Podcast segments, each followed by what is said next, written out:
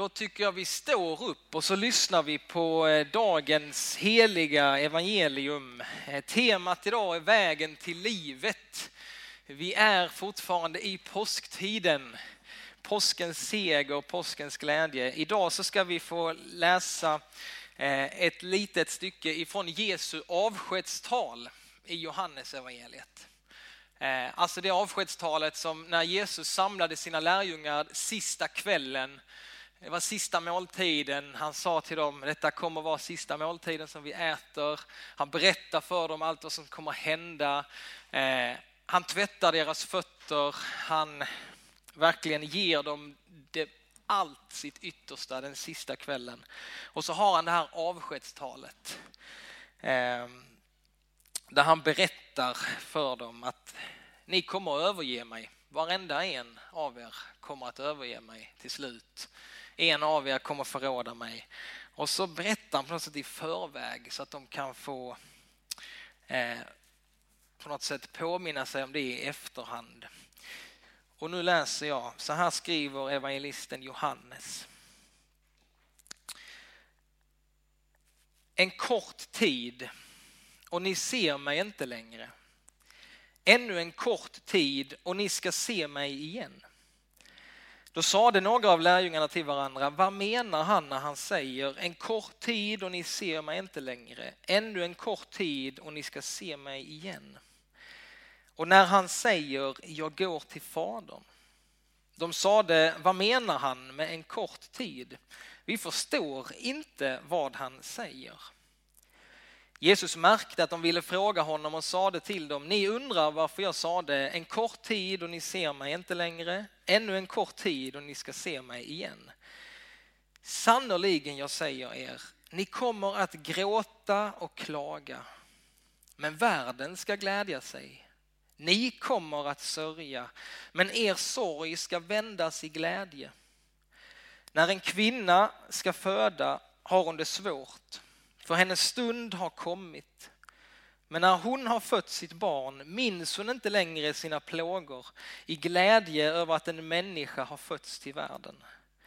Nu har också ni det svårt, men jag ska se er igen och då ska ni glädjas och ingen ska ta er glädje ifrån er.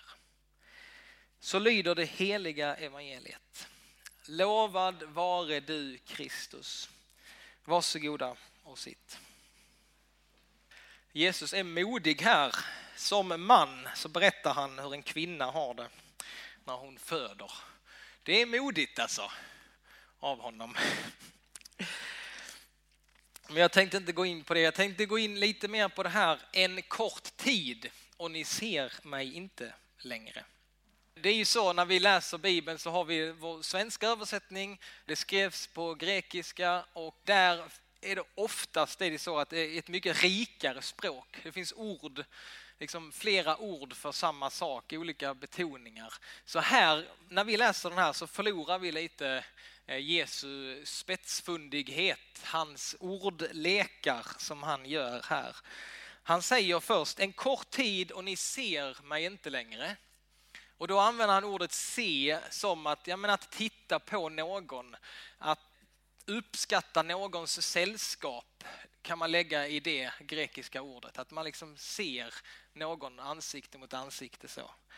Och sen säger han ännu en kort tid och ni ska se mig igen. Och då använder han ett annat ord, ett annat seende. Så vi i vår svenska översättning blir lite lurade. Vi hänger inte med i den här ordleken. Eh, det är ett annat seende som de ska se honom när han kommer igen det ordet det handlar lite mer om en, att få se en uppenbarelse. Han ska låta sig uppenbaras. Eh, att få se honom på ett annat sätt, inte nödvändigtvis med ögonen utan med hjärtat. Att få se med en förståelse, en insikt på något sätt. Det här ordet som han använder där, att se på det här andra sättet, ja men det använder han också till exempel i Matteus 5 och 8 i saligprisningarna. Då säger han ju så här, saliga de renhjärtade, de ska se Gud. Alltså att se med på något sätt i sin, ett inre öga, en inre förståelse, se med hjärtat på något sätt. I Efesierbrevet kapitel 1 och 18 så ber Paulus för de kristna där och han säger Må han ge ert inre öga ljus så att ni kan se vilket underbart hopp han har kallat oss till. Hebreerbrevets författare han skriver så här i Hebreerbrevet 12 Låt oss ha blicken fäst vid Jesus trons upphovsman och fullkomnare. Och den här predikan den hänger lite ihop med, med förra veckans predikan. Då, då talade jag och vi funderade kring det här att få höra Guds röst. Det var den gode herden. Va? Jesus sa att mina lärjungar de kommer att känna igen min röst. De kommer att lyssna till mig. Att mitt i allt brus som finns runt omkring oss så kan vi få lära oss att få känna igen Guds röst. Alltså att urskilja den mest betydelsefulla rösten bland alla andra. Och idag så tänker jag att det handlar lite om att kunna se Jesus. Att kunna se klart. Förra söndagen så lovade Jesus, ni kommer kunna höra min röst. Ni kommer känna igen den. Och när vi hörde det här förra söndagen så var det några av oss som tänkte ja, jo men så är det. Jag känner igen rösten. Och andra sitter och tänker, nej, Jesus, nej, hur då?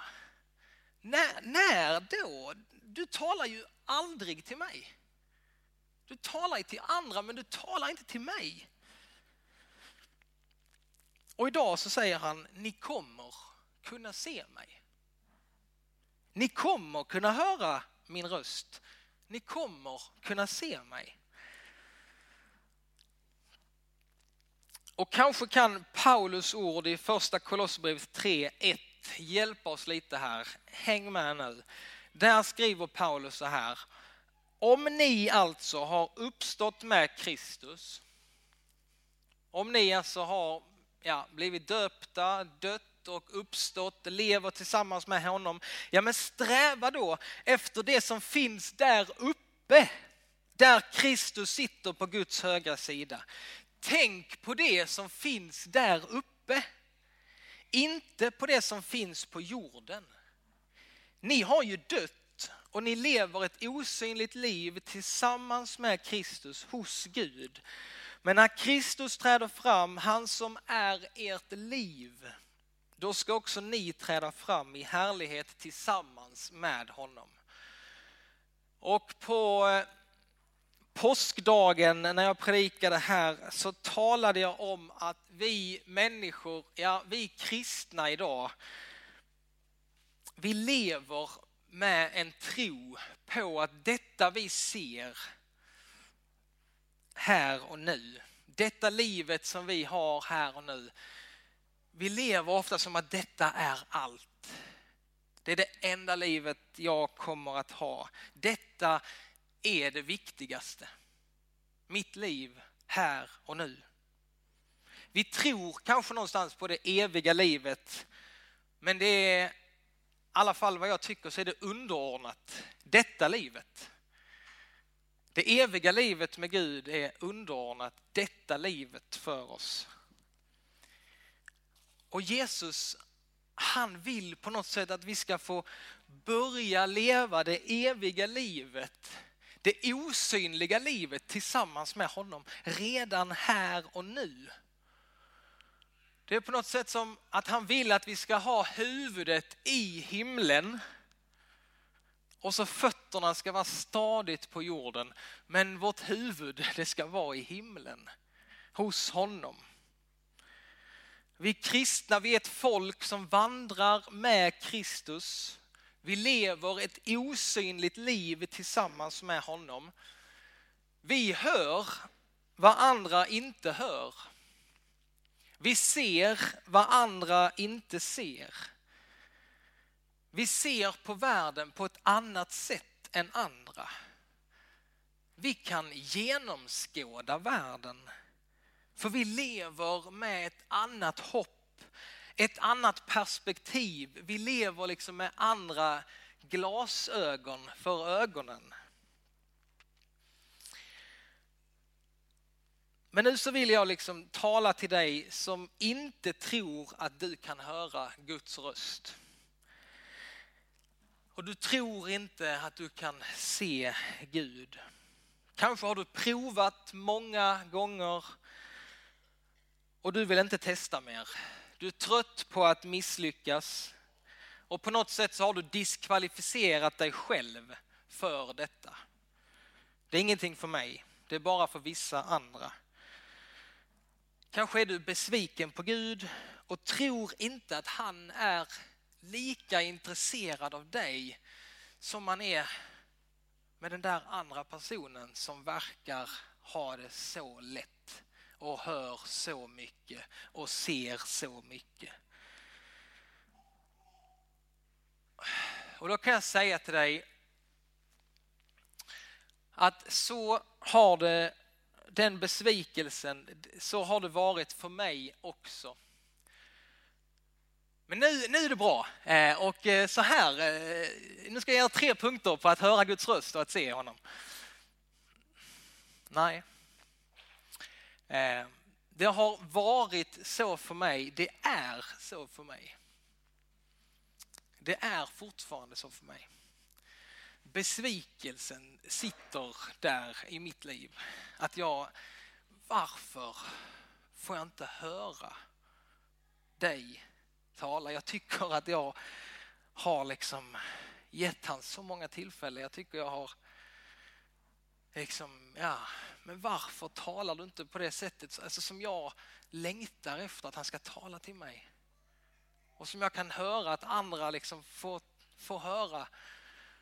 Men nej.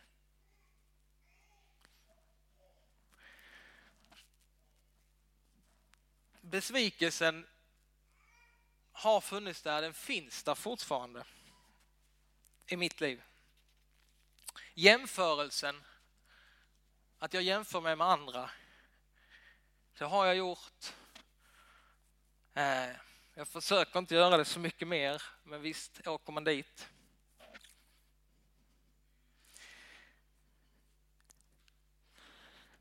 Hur ska vi göra med den här?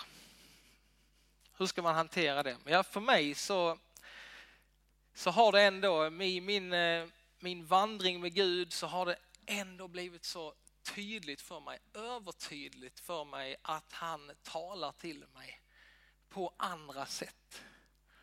Eh, än, än det som jag liksom hade önskat att han hade gjort eller liksom som jag kanske längtar efter fortfarande. Men det har ändå blivit så otroligt tydligt att han talar till mig genom, ja ofta för mig så är det ingivelser att det kommer tankar eh, och det blir så tydligt att nej, men jag, jag har inte kommit på det här själv utan jag får tänka hans tankar. Som Paulus skriver, vi tänker Kristi tankar. Ja, det är så tydligt för mig att jag flera gånger så får jag ingivelser, alltså tankar som jag upplever, jag upplever det bara som det är mitt eget. Men jag, får, jag litar på att det är Gud. Det är idéer, det är kreativitet, det är eh, ja, jag får, ja, men den personen ska du ringa eller skicka det smset, skicka det mejlet. Eh, jag vet inte, men, men många sådana saker. Där är det så tydligt på något sätt av frukten av det. Att eh, ja, men det, det var inte bara jag, utan det var Gud som han talade till mig genom mina tankar. Jag fick gå på det. Och detta är sådana saker så det är så lätt att liksom bortförklara och säga att det inte är det. Men jag väljer att lita på, nej men detta är. För jag vill, jag ber bönen, Gud talar till mig. Jag ber bönen, led mig Gud, använd mig idag. Och då väljer jag på något sätt att lita på att nej men det är Gud, han använder mig. Han använder mig, han talar till mig när jag är Han talar till mig genom musik. Han talar till mig genom lovsång. Han talar till mig i bibelordet när jag söker honom. När jag är med mina barn, när jag går med hunden Dante i Ramlösa parken. Eh, jag väljer att se vitsipporna på något sätt som ett kärleksbevis från honom. Eh, jag väljer att, att lyssna till honom, att lita på att han talar till mig. Han är intresserad av mig. Och jag lär mig fortfarande, alltså det, det är inte lätt, men jag lär mig att känna igen hans röst. Och jag vägrar tro på lögnen att Gud inte är intresserad av mig. Att han inte vill tala till mig. De tankarna, de tror jag inte kommer från Gud. Jag tror inte det är sant om dig heller. Utan det är någon annan som vill få dig att tro att du inte är intressant för Gud. Att du inte är viktig för honom. Att han inte vill tala direkt till dig. Det är inte sant. Han talar till mig. Han talar till dig. Han vill att jag ska lyssna. Jag vill bli en bättre lyssnare. Även om jag inte hör så vill jag fortsätta förvänta mig att han ska tala. Och jag blir medveten att han kommunicerar på fler sätt till mig än vad jag kan förstå. Och jag vill vara öppen för hans röst in i mitt liv.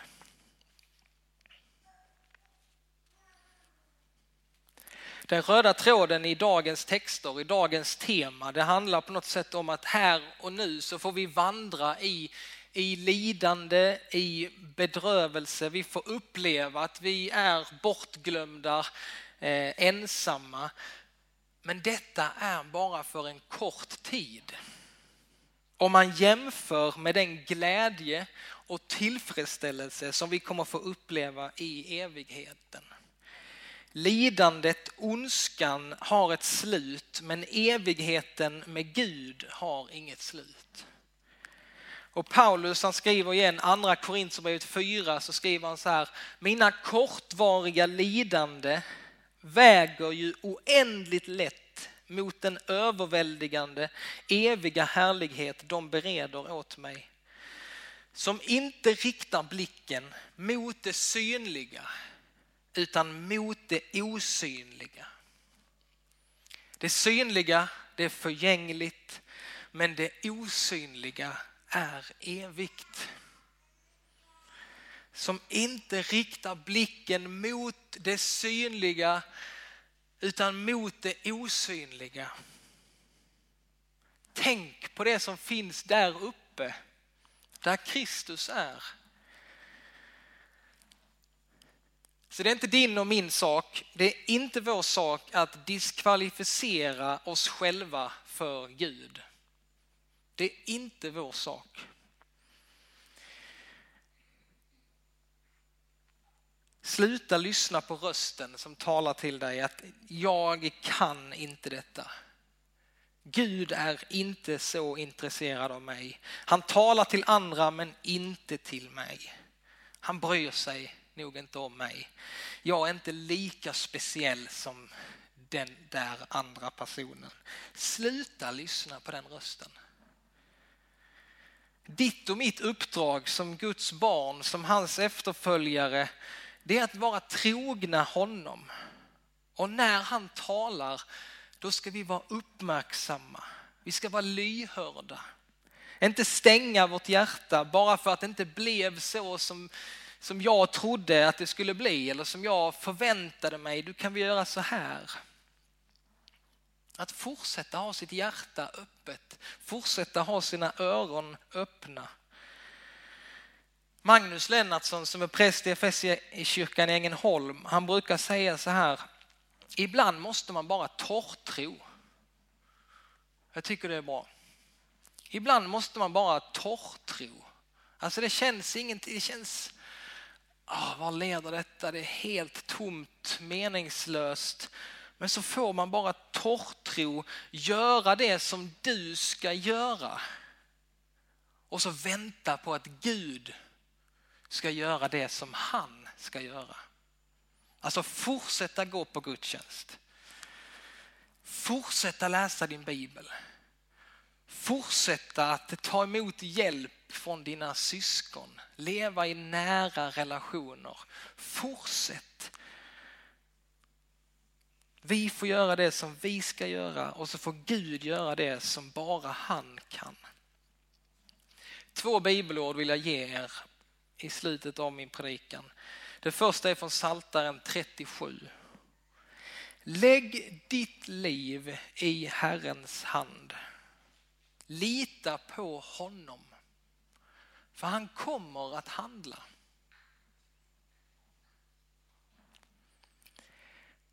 Och från Hebreerbrevet 10 så står det uthållighet är vad ni behöver för att kunna göra Guds vilja och få vad han har lovat. Om du gör det som du ska göra, då gör han det som bara han kan göra. Lita på Gud, lita på att han älskar dig, lita på att han har inte glömt dig. Tack Fader i himmelen för att du är en god fader för oss alla, för alla människor. Och jag ber dig att du uppenbarar mer av vem du är för oss och vilka vi är i dig, Herre. Du ser vad vi behöver, vad vi längtar efter. Herre, möt oss var och en med din heligande just nu. Befria oss, Herre, från lögner. Låt oss få tänka dina tankar.